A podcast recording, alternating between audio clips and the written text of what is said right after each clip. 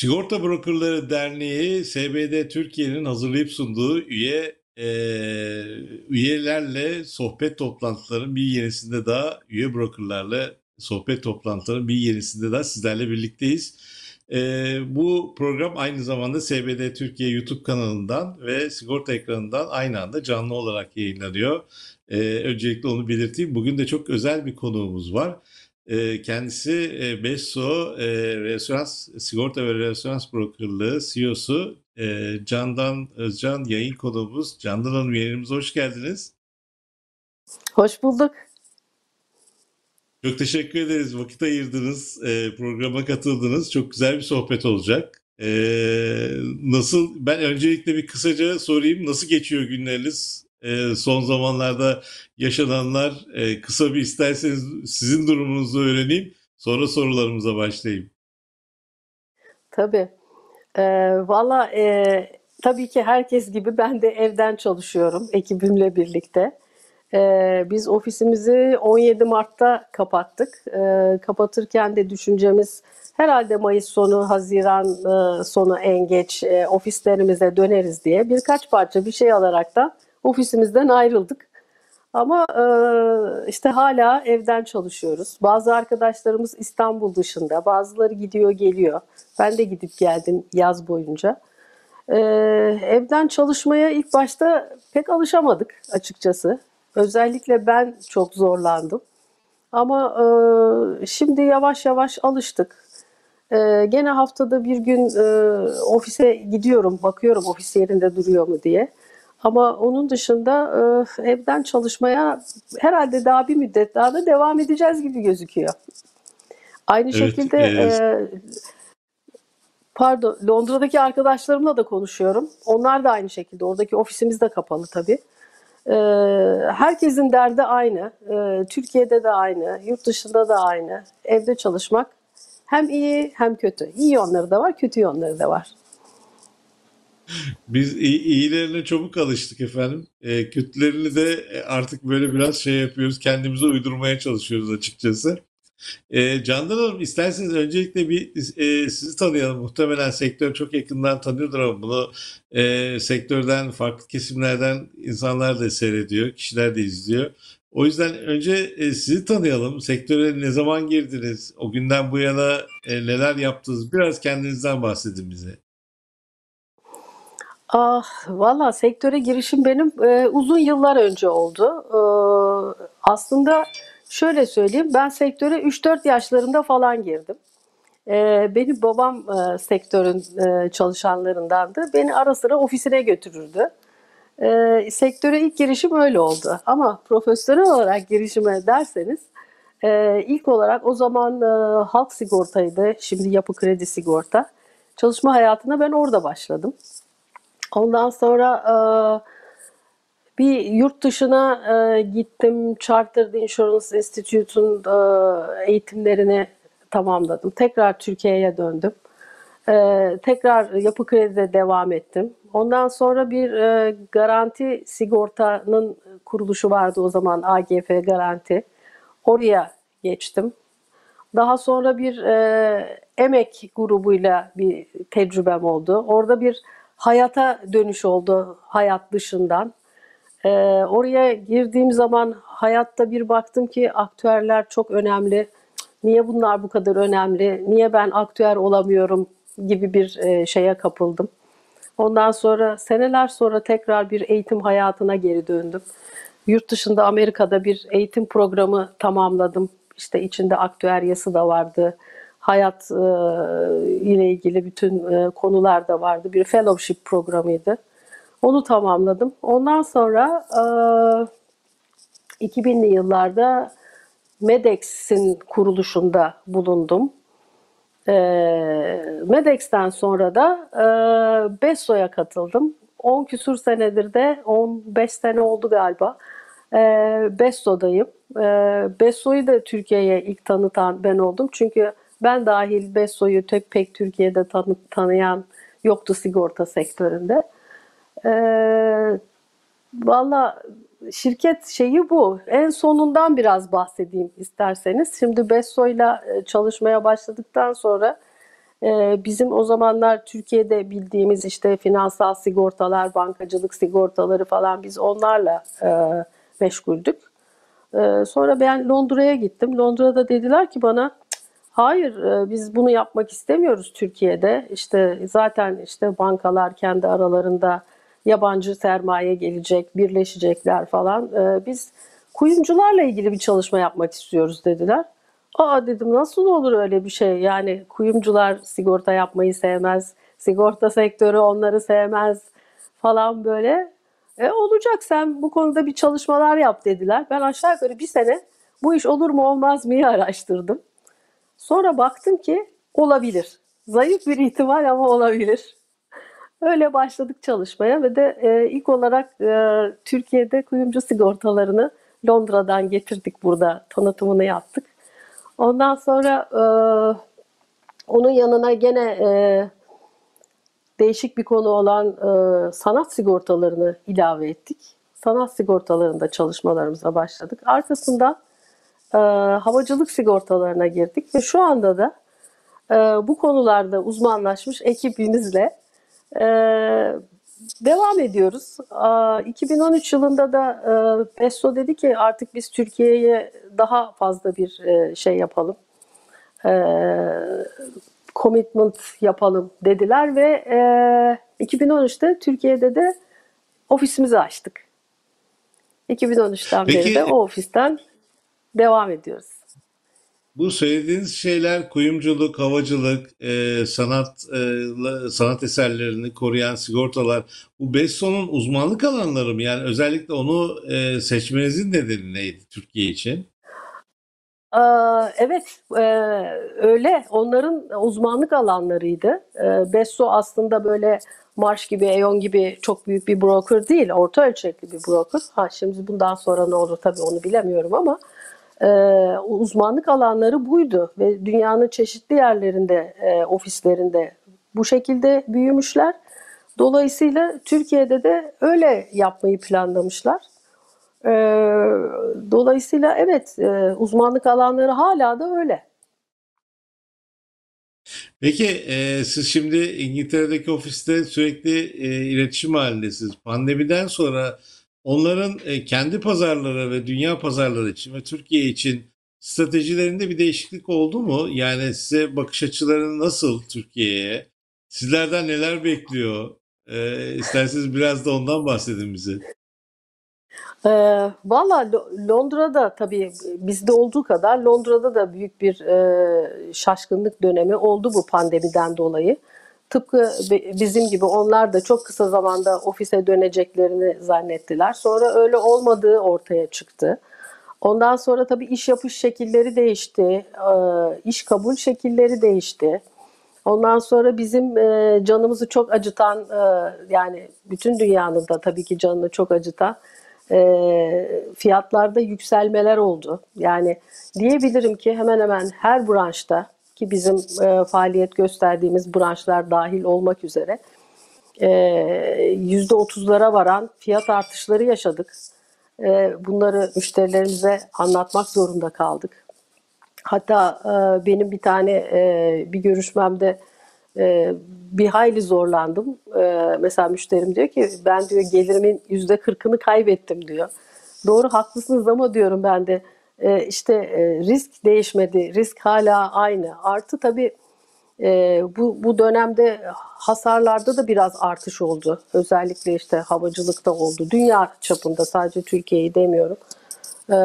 Havacılıkta oldu, bizim kuyumculukta oldu. Dolayısıyla tabii underwriter'ların da kararlarını çok değiştiremedik hiçbir şekilde. E, ve de evet e, şimdi böyle değişik bir dönem yaşıyoruz. E, bütün dünya ve Türkiye'de buna ayak uydurmak zorunda kalıyoruz tabii ki. Şimdi aslında e, pandemi sonrasında bizim yani yurt dışında takip eden broker dostlarımızla da toplantılar yani bu programları yapmıştık. Onlar şey diyordu o zamanlar yani dünya piyasalarında daha reasürans şirketleri olup bitenin hasarı tam olarak e, algılayamadılar, hesaplayamadılar. Bu nedenle gelecek sene için yani 2021 için bir projeksiyon verilemiyor ama şu anda fiyatların resonans maliyetlerinin artması söz konusu değil. Aldığımız izlenim o diyordu. Şimdi siz farklı bir şey söylüyorsunuz aslında. Resonans maliyetleri Evet. arttı ve dolayısıyla bunlar e, primlere yansıdığını anlıyorum. Doğru mu anlıyorum? E, doğru, doğru, çok doğru. Ama e, belki onların söylediği dönemde ilk başlarda e, aynen dedikleri gibiydi. Çünkü e, biliyorsunuz reasüransta e, sonuçların e, görülmesi sigortadan çok daha sonra olur. E, ama e, artık e, bir seneye yakın oldu e, ve de sonuçlar da ortaya çıktı. E, bizim özellikle bizim e, faaliyet gösterdiğimiz e, branşlarda evet öyle. Maalesef bir artış var. Şimdi aslında Ama- e, bakıldığında pardon. Ee, ama mesela Buyurun. Türkiye'ye bakış açılarına gelirsek, Türkiye'ye bakış açılarında e, bir değişiklik olmadı. Hatta e, şöyle diyebilirim, bi- e, bizim e, şirketimizin, e, bizim grup şirketlerimiz var aslında. Besso e, GC çatısı altında işte Cooper Gay, Egg e, ve de e, bir iki şirket daha var. Hepsi kendi brandleriyle faaliyet gösteriyorlar ama hepimiz aynı çatının altındayız. Mesela bizimkiler de e, yeni bir e, şey yaptılar, rebranding yaptılar. Corent diye bir marka altında hepimizi birleştirdiler. Gene hepimiz ayrı ayrı faaliyetlerimize devam edeceğiz. Ama bu arada hep birlikte çalışalım diye de bir konsept e, çıkarttılar. Çünkü işte birimizin e, zayıf olduğu yerde öbürü daha e, kuvvetli olabilir. Birbirimizle alışveriş yapalım. Bir grup konsepti yerleştirmeye çalışıyorlar şimdi. Artı Türkiye içinde e, planlarında en ufak bir değişiklik olmadı. Efendim şimdi e, sonuçta e, hani bu restorans maliyetleri arttı bir taraftan hani sağlıkla ilgili çok ciddi sorun. Dediğiniz gibi turizm ve havacılık sektörü de bundan çok e, nasibini aldı. E, diğer tarafta bazı sektörlerde e, karlılıklarını sürdürdüler tabii. Bu bunu e, hani en azından zarar görmeden atlattılar diyebiliriz. Bu arada tabii çok büyük katastrofik riskler de oluşmadı sanki değil mi? Yani e, büyük e, işte şey, yangınlar, büyük şeyler. Bu geçen bir, e, bir yılda biraz onları restoran, büyük dev restoran şirketlerini de rahatlatacak, ellerini rahatlatacak e, bir takım gelişmeler de olduğunu söylemek mümkün mü? Ee, Valla he- her sene olan e, doğal afetler e, gene mesela bu Amerika'daki fırtınalar yok e, Güney e, Doğu Asya'daki e, fırtınalar bunlar oldu. E, şimdi e, biraz tabii e, Lloyds'un e, çalışmaları var bu e, climate change ile ilgili. Onlarla ilgili değişik değişik hasarlar da gelmeye başladı ya da gelmeye başlayacağını öngörüyorlar. Mesela e, baksanıza bugün birdenbire hava sıcaklığı 16 derece düştü. İstanbul'dayım ben. Dün 20 dereceydi, şimdi 4 derece ve dışarıda şu anda pencereden bakıyorum kar yağıyor. Şimdi bu gibi şeylere karşı da bir takım hazırlıklar var. Biz bunları e, çok e, bilmiyoruz. E, benim konum değil en azından onun için bilmiyorum ama hazırlıklar olduğunu biliyorum, okuyorum, takip ediyorum.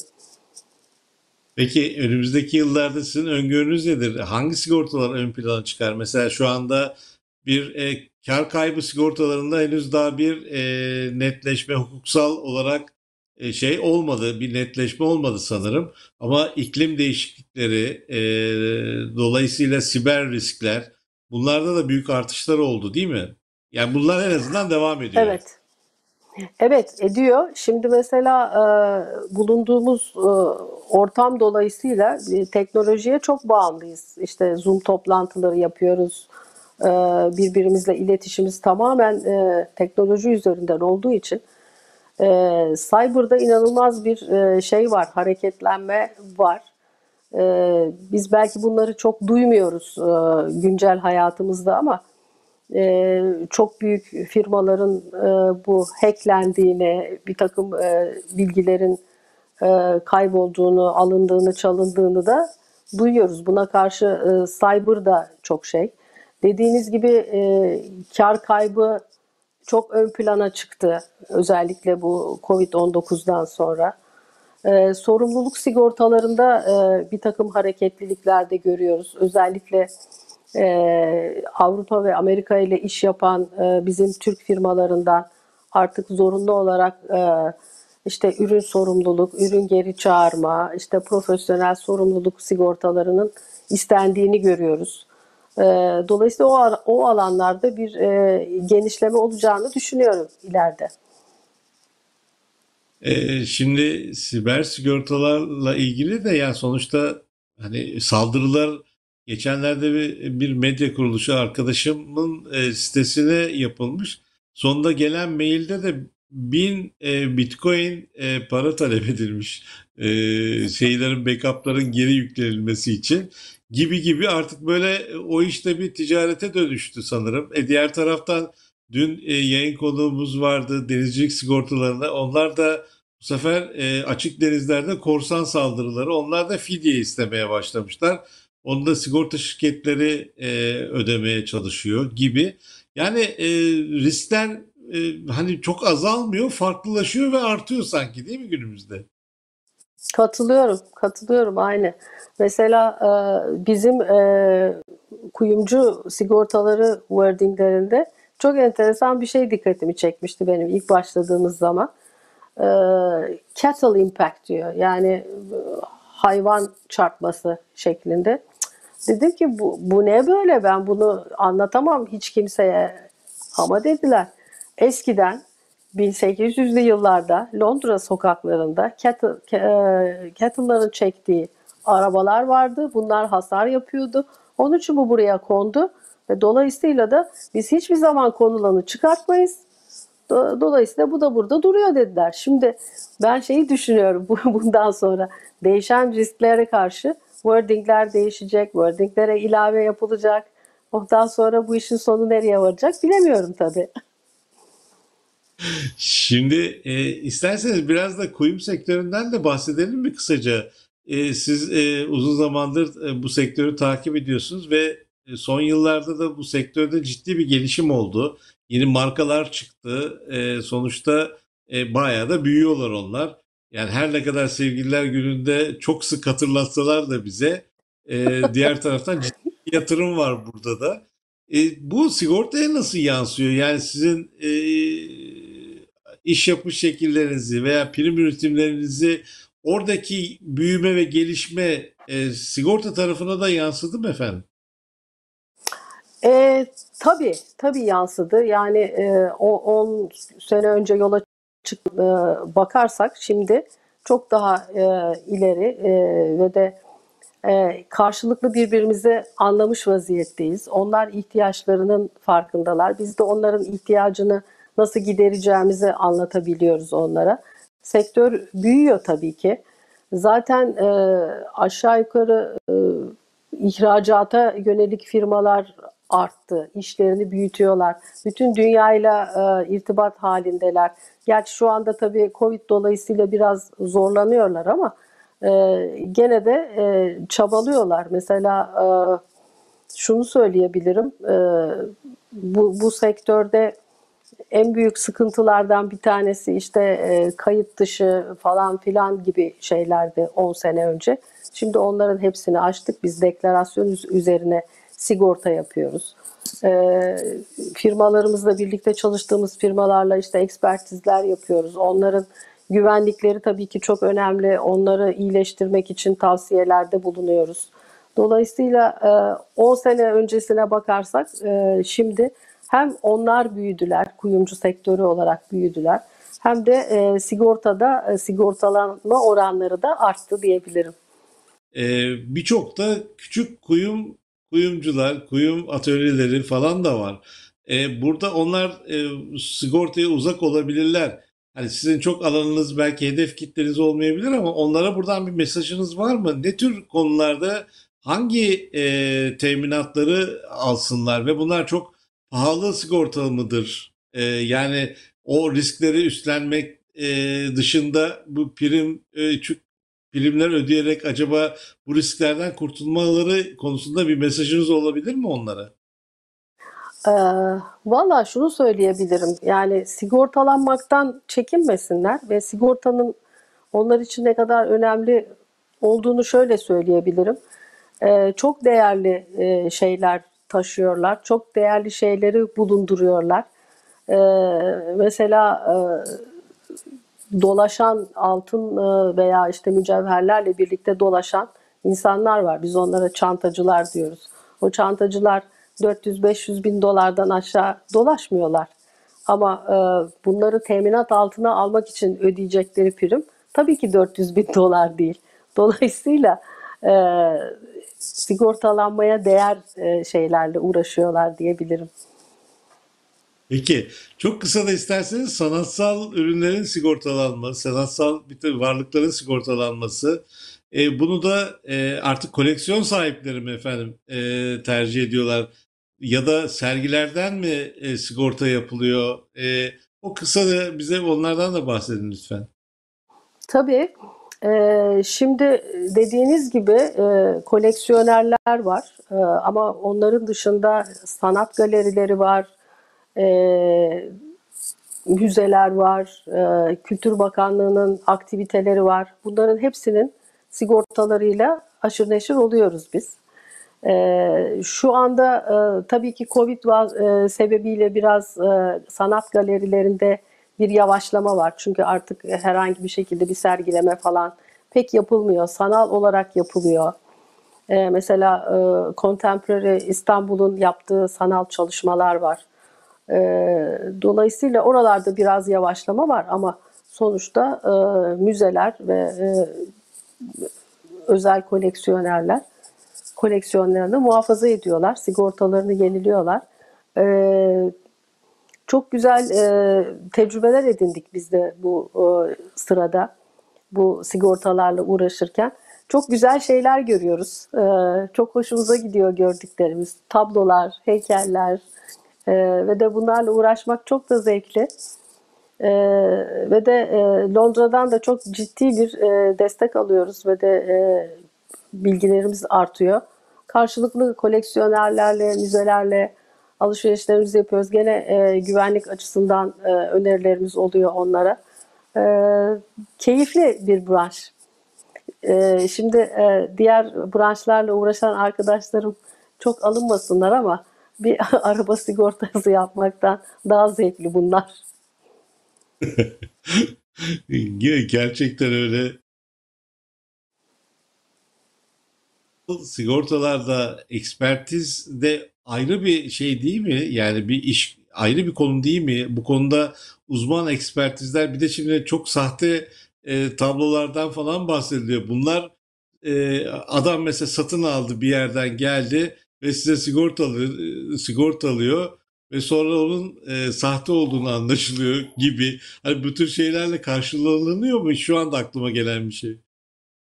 Ee, tabii biz burada karşılaşmadık açıkçası öyle bir şeyle ama e, dünyada evet bizim Londra'daki arkadaşların karşılaştığı şeyler var.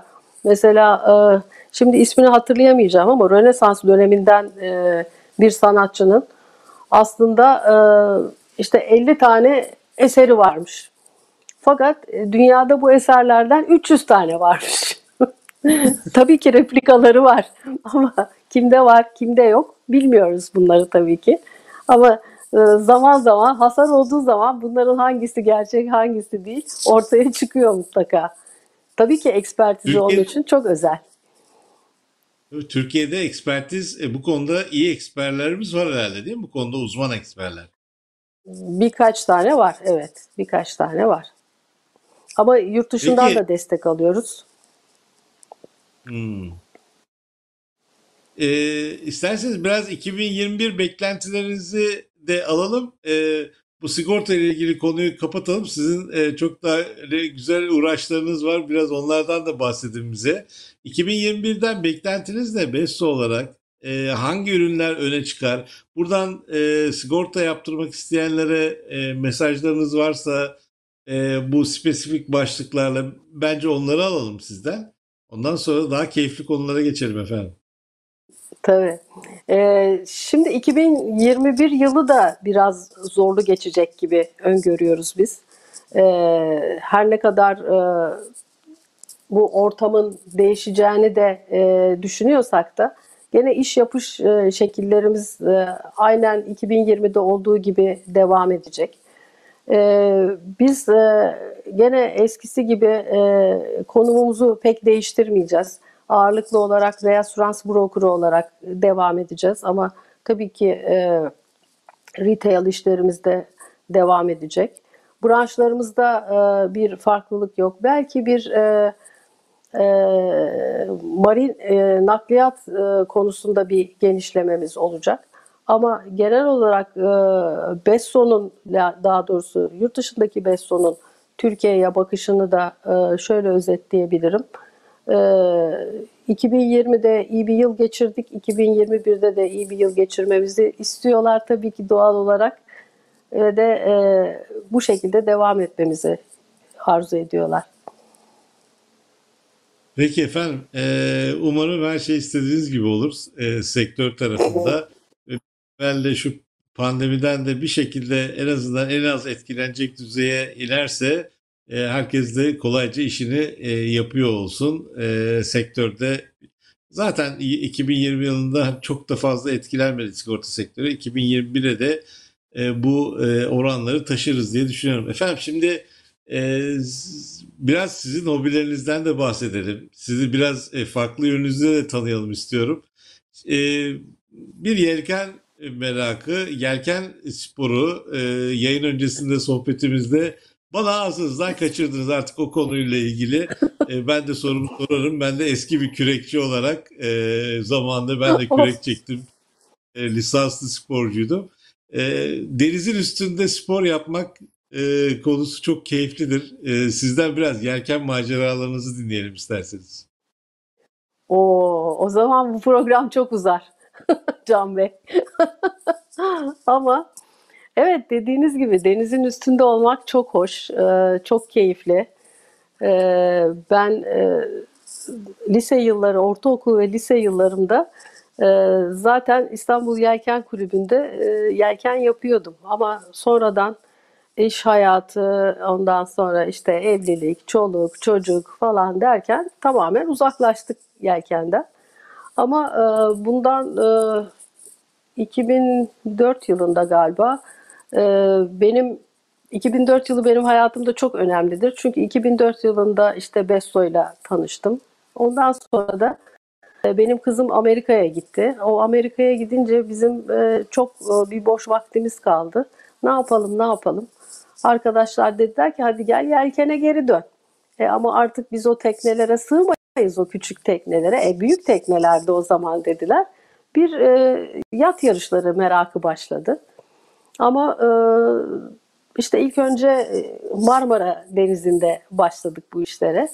Ondan sonra e, biraz e, daha ileriye açılalım dedik. İşte bu e, İstanbul'dan çıkışlı Bodrum'a e, giden bir e, yarış vardır. Ona e, başladık. Birkaç kere ona gittik. Ondan sonra aa işte Bodrum'da Marmaris'te yarışlar varmış. Onlara gidelim derken e, aşağı yukarı bir 10-12 sene falan bir yat yarışçılığı şeyim oldu, tecrübem oldu. Çok keyifliydi. E, bir de özelliği vardı. Biz kız takımıydık. o tabii o tabii birazcık e, işi bizim açımızdan e, zor zorlaştırdı. Çünkü e, sonuçta zaman zaman güç isteyen de bir şey. Ama çok keyifli arkadaşlarımla bir 10 küsur sene yarıştım. Ama işte 4-5 senedir 4-5 senedir uzağım. Ee, o da çok keyifli. Ee, ben de birkaç kez bulundum açıkçası. Yani benim de e, denizci yarışçı arkadaşlarım var. Onların tekneleriyle şey yaptım. İşte o meşhur o yelkenin rüzgara göre yer değiştirmesinin bir ismi vardır ya o e, şey bu tarafa Evet. doğru geçer. Herkes eğilir kafayı kurtarmaya çalışır. Sonra mola, İş- işin işin o mola falan deniliyor ona galiba. tabii. Tremola, tremola e, yani rüzgar karşıdan geliyorsa tremola, arkadan geliyorsa kavança atıyoruz. E, tabii ki çok keyifli. E, aslında e, hani bir sürü e, insanlarla tanışıyorsun aynı zamanda hani hem spor yapıyorsun hem kendini geliştiriyorsun hem bir sürü insanla tanışıyorsun. Ben mesela e, şimdi ilk başladığım zaman iyi, iyi tamam ben yelkeni biliyorum ama yat yarışında e, yarışmak için e, bir ehliyet almak lazım. E, ehliyet almak için de e, sınavlara girmek lazım. E, ben o, o şeyleri de yaptım. Girdim burada amatör denizcilik ehliyeti aldım. Ondan sonra o yetmedi. Benim biraz öyle bir e, şeyim vardır. Aa, bir de uluslararası bir şey alayım falan. Yacht Master programı varmış. Hadi ona da başlayalım derken iş biraz büyüdü. Ondan sonra e, bir şeyim de oldu, imkanım oldu. Yurt dışında bazı yat yarışları da e, izleme fırsatım oldu. E, bu e, İspanya'da e, Amerikas Cup yarışlarını izleme fırsatım oldu. Ondan sonra İngiltere'de birkaç e, yarış izleme şeyim oldu, fırsatım oldu. Onlar da böyle e, işin şeyi oldu. Hani cherry on the cake derler. Bilmiyorum Türkçesi nedir ama öyle öyle oldu benim için. Çok çok hoş tecrübeler oldu. Tabii ki. Ee, ben hani bir yarışta bulunmadım ama mesela yarışçı arkadaşlarla teknede gittiğim zaman mesela e, a, e, çok farklı bir sektörde çalışan bir arkadaşım ben teknede tanıyamıyorum. E, koşuyor Tabii. oraya bir şey bağlıyor te, işte yelkeni takip ediyor ma- makine dairesine iniyor çıkıyor bir şeyler yapıyor. Yani o bir kere beyni boşaltmak için inanılmaz güzel bir ortam diye düşünüyorum. O çünkü çok yoğun kafası çalışan şey bir e, sürekli meşgul bir arkadaşım. Orada o arkadaşım o arkadaş şeyden çıkıyor yani kendi kimliğinden çıkıp teknede bakıyorum o te- tekneyle yaşıyor yani her şeyle birlikte yaşıyordu. Ben o zaman anladım e, neden tekneye çıkıldı. Bir de tabii e, o yelkenle gidildiği zaman e, te- teknenin e, motor sesinden uzak o suyla e, ahenkli gidişinde çıkan o ses e, rüzgarla birlikte inanılmaz dinginlik ve dinlendiriyor beyni değil mi? O da çok önemli. O çok önemli. Bir de e, şu da var şimdi e, hep şöyle derler. e, tabii ki e, ileriye gitmek hedefimiz ama hava sertse başka bir taktik. Hava bazen de çok düşük olabilir. Düşük olduğu zaman da başka bir taktik yapmak lazım. Ve hep e, bizim kaptanlar şunu söylerler. Düşük havada tekneyi götürmek daha zordur derler. Hakikaten ben onu birkaç kere yaşadım e, yarışlarda. Birdenbire böyle gidiyorsunuz, gidiyorsunuz, gidiyorsunuz. Bir, bir yere geliyorsunuz. Bir anda rüzgar kalıyor. Rüzgar kaldığı zaman e, bütün tekneler duruyor. İşte orada o hafif esen meltemleri yakalayıp bir mileye götürdüğün zaman neyi büyük bir iş oluyor. Tahmin ediyorum. Ama biraz evvel onu çok üst- e, hızlıca geçtik. Aslında yelken işinde e, kadınların e, çok daha başarılı olduğunu ben tahmin ediyorum. Çünkü bir gözlemim yine böyle işte Güneydoğu Marmaris Göçek taraflarında bir koyda e, bir yelkenliği yanaştırıyorlardı. Bir amcayla bir hanımefendi, bir kadın. Am- e, amca arka tarafta o bildik o sandalyelerinde oturmuş böyle keyifli keyifli hiç ilgilenmiyor olayla. Kadıncağız ama nasıl biliyor musunuz o koca tekneyi öne koştu, attı çıkmayı öne geri geldi, kıçtan yanaşıyordu, attı iskeleye bir şeyleri falan filan şak şak şak bağladı tekneyi. Biz eşimle şaşırdık kaldık e, kadını seyrettik yani ve kadın e, 70-75 yaşlarındaydı minimum ve o tekneyi inanılmaz güzel diye ama hiç amca hiç istifini bozmadı ama onu söyleyeyim. Yani bu erkekler de bu tarafta çok tembel yani açık söylemek gerekirse. Çok, çok enteresan bir çifte rastlamışsınız siz evet. Aynen Ama aynen. e, evet yani e, yani biz biz mesela e, yarıştığımız dönem boyunca ekibimizle çok keyif aldık. Yani he- hepimiz farklı farklı e, yerlerden geliyorduk. Hepimizin farklı meslekleri, farklı becerileri vardı. Yaşlarımız farklıydı. E, ne bileyim ben e, hayata bakış açılarımız farklıydı ama ne zaman ki o start başladıktan sonra, start verildikten sonra herkesin bütün hedefi tekneyi e, finish'e götürmek. O zaman e, Evet. Teknede bir de hiyerarşi de vardır mesela. Demin siz söylediniz e, hani kimin kim olduğu da önemli değildir. İşte e, kaptan ne diyorsa o olur. E, işte tremola atılacaksa tremola atılır. İşte o karar verir. Kavança atılacaksa işte yok e, yanki çekilecekse o karar verir. Öyle enteresan da bir e, şey vardır. E, hiyerarşi vardır. Ama bu hiç kimseyi de rahatsız etmez. Evet. O keyif başka gerçekten. Ben hani çok kıyısından köşesinden yaşadığım için biliyorum.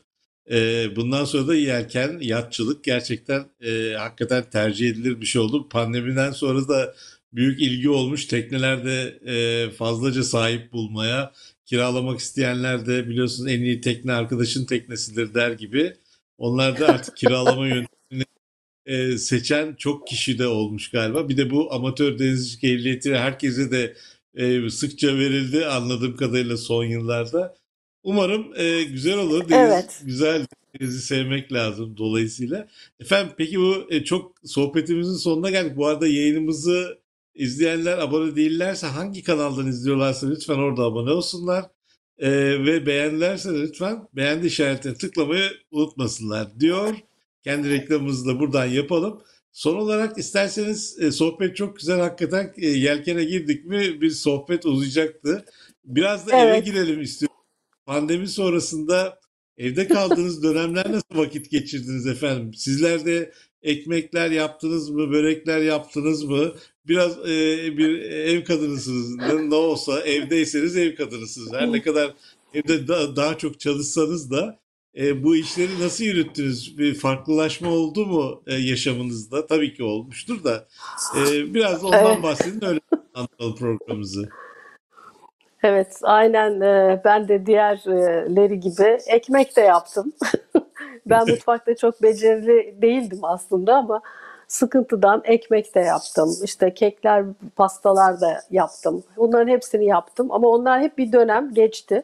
Çünkü e, baktım ki e, sadece bu e, kek, börek yapmakla vakit geçmiyor. Bu arada tabii evin e, biraz şekli değişti. Biraz e, temizlik kuralları değişti. Ondan sonra e, kendimi biraz da spora attım. E, sabahları düzenli olarak spor yapıyorum. Akşamüstleri yürüyüş yapıyorum falan böyle. Kendime bir düzen kurdum. E, çok şaşırdım ama e, o düzeni de e, devam ettiriyorum. E, belki e, işte eskiden her sabah kalkıp bir işe gitmek şeyi vardı. O işte trafikte harcadığımız bir vakit vardı. Onu birazcık sporla kapattım. Birazcık işte evde o hiç dışarı çıkamadığımız dönemlerde ekmekle, pastayla kapattım. E, şimdi daha daha alıştım, daha rahatım ama gene de ofisime dönmeyi çok istiyorum. Peki efendim son sorum. Ee, sizi fazla yormayalım. Ee, Mart 2020 öncesinde yaptığınız en çok neyi özlediniz? Tekrar yapmak istediğiniz, yapamadığınız ne var efendim? Oo, Londra'ya gitmeyi özledim. Seyahate gitmeyi özledim. Mart'ın e, 17'sinden beri hiç uçağa binmedim. Uçağa binmeyi özledim. E, o kadar. Efendim çok teşekkür ederiz. Çok keyifli bir sohbetti. Sizi tanımaktan da çok sevindim. Tanıdığım için çok sevindim. İnşallah farklı zamanlarda tekrar bir araya gelme fırsatımız olur. Sizlere e, sağlıkla en azından işlerinizde de başarılar diliyoruz. Başarılarınızın devamını diliyoruz daha doğrusu. E, güzel bir yıl olsun şimdiden dileğim o. Sizin de son eklemek istediğiniz bir şey varsa onu alayım sonra sonlandıralım programımızı. E, ben de size çok teşekkür ederim. E, çok keyifli bir sohbet oldu. E, umarım 2021 sizin için de e, aynı şekilde başarılarınız devam eder. Ve de e, bol bol böyle sohbetler yaparsınız. Çok teşekkür ederim efendim. Sağlıkla kalın. Ee, ilk fırsatta tekrar bir araya gelmek umuduyla diyorum o zaman. Hoşçakalın. Hoşçakalın. Teşekkürler tekrar. Ee, Sigorta Brokerları Derneği'nin e, düzenlediği üye brokerlarla sohbet toplantılarının bir yenisinin daha e, sonuna geldik. Çok keyifli bir sohbetti. E, Besso Restoran Sigorta ve Restoran Brokerlığı CEO'su Candan Özcan yayın konuğumuzdu. Ee, biraz e, yurt dışından konuştuk, biraz yurt içinden konuştuk, e, sigortacılık konuştuk ve e, özel bir uğraşı olan yelkencilikle ilgili e, konuştuk Candan Hanım'la.